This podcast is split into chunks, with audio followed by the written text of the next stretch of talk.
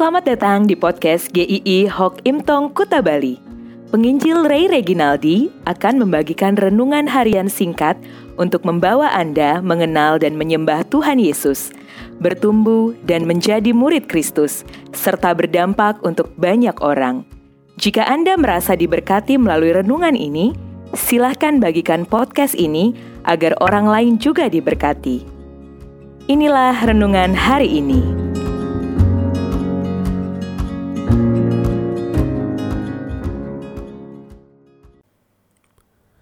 Datang saja. Matius 11 ayat 28.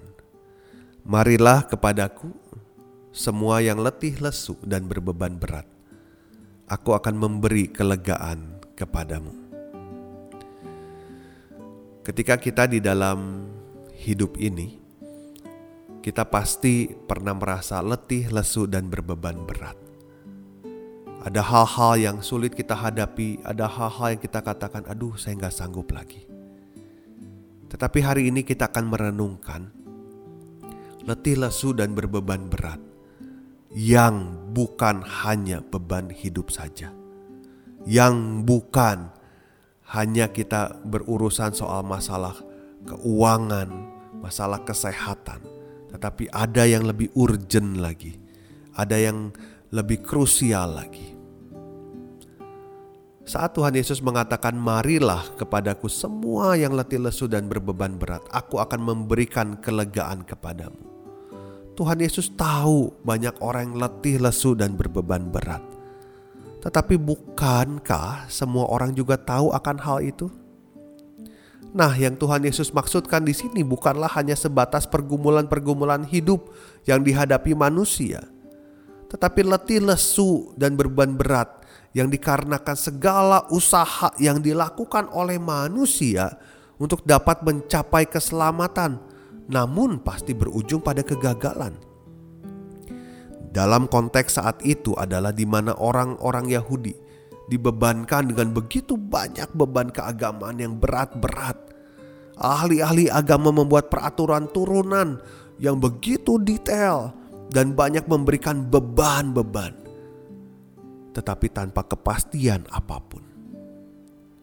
Dengan mencoba melakukan semua hukum Taurat itu, tidak ada yang mampu melaksanakannya dengan sempurna, sehingga jiwanya berujung letih lesu, gagal lagi. Harus ada peraturan ini, harus melakukan itu untuk diselamatkan. Tetapi hati tidak pernah tenang, hati tidak pernah damai. Tuhan Yesus mengatakan kepada orang-orang demikian, "Marilah kepadaku, aku akan memberikan kelegaan kepadamu." Tuhan Yesus tidak berkata, "Mari kepadaku, akan kutunjukkan kelegaan itu." atau aku akan coba bantu kamu untuk menemukan kelegaan. Tetapi ada kepastian bahwa Tuhan Yesus memberikan kelegaan. Ada jaminan orang yang datang kepada Tuhan Yesus mendapat kelegaan, yaitu keselamatan di dalam Tuhan Yesus.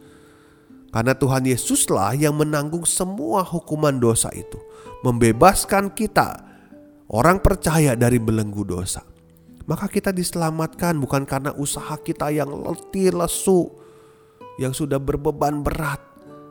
Karena memang tidak bisa itu hanya karena Tuhan. Tuhan Yesus berkata, pikulah kuk yang kupasang.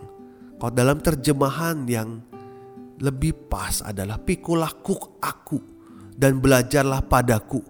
Karena aku lemah lembut dan rendah hati dan jiwamu akan mendapat ketenangan Sebab kuk yang kupasang itu enak dan bebanku pun ringan. Orang yang percaya Tuhan Yesus berjalan bersama dengan Tuhan. Tuhanlah memikul kuk itu bersama dengan kita. Dialah yang menjadi pusatnya. Maka dikatakan kuk itu enak dan bebannya ringan. Karena Tuhan sudah menyelamatkan kita, memberikan hidupnya untuk kita. Hidup orang yang percaya itu begitu ringan karena hidupnya sudah dijamin dalam keselamatan. Tidak menanggung beban yang begitu berat dan sia-sia untuk menyelamatkan diri sendiri. Kalau Anda seorang Kristen, tapi masih berpikir, "Aduh, saya masih kurang baik untuk diselamatkan. Aduh, saya akan mencoba untuk taat beribadah berdoa supaya saya bisa diselamatkan. Saya akan memberi persembahan lebih banyak supaya saya bisa diselamatkan. Itu akan melelahkan Anda. Datanglah kepada Tuhan Yesus, percayalah kepadanya. Percayalah, hanya percaya saja. Anda akan mendapatkan kelegaan. Apa yang kita lakukan di dalam ibadah, persembahan dan lainnya bukan untuk mendapatkan keselamatan lagi, tapi bagaimana kita bisa hidup dalam damai sejahtera, ketenangan sebagai ucapan syukur kita karena sudah diselamatkan Tuhan. Ingat, ketika Anda lelah berbeban berat, karena Anda berusaha untuk mencari keselamatan itu, datang saja pada Yesus. Besok kita akan masuk dalam rancangan damai sejahtera. Tuhan memberkati.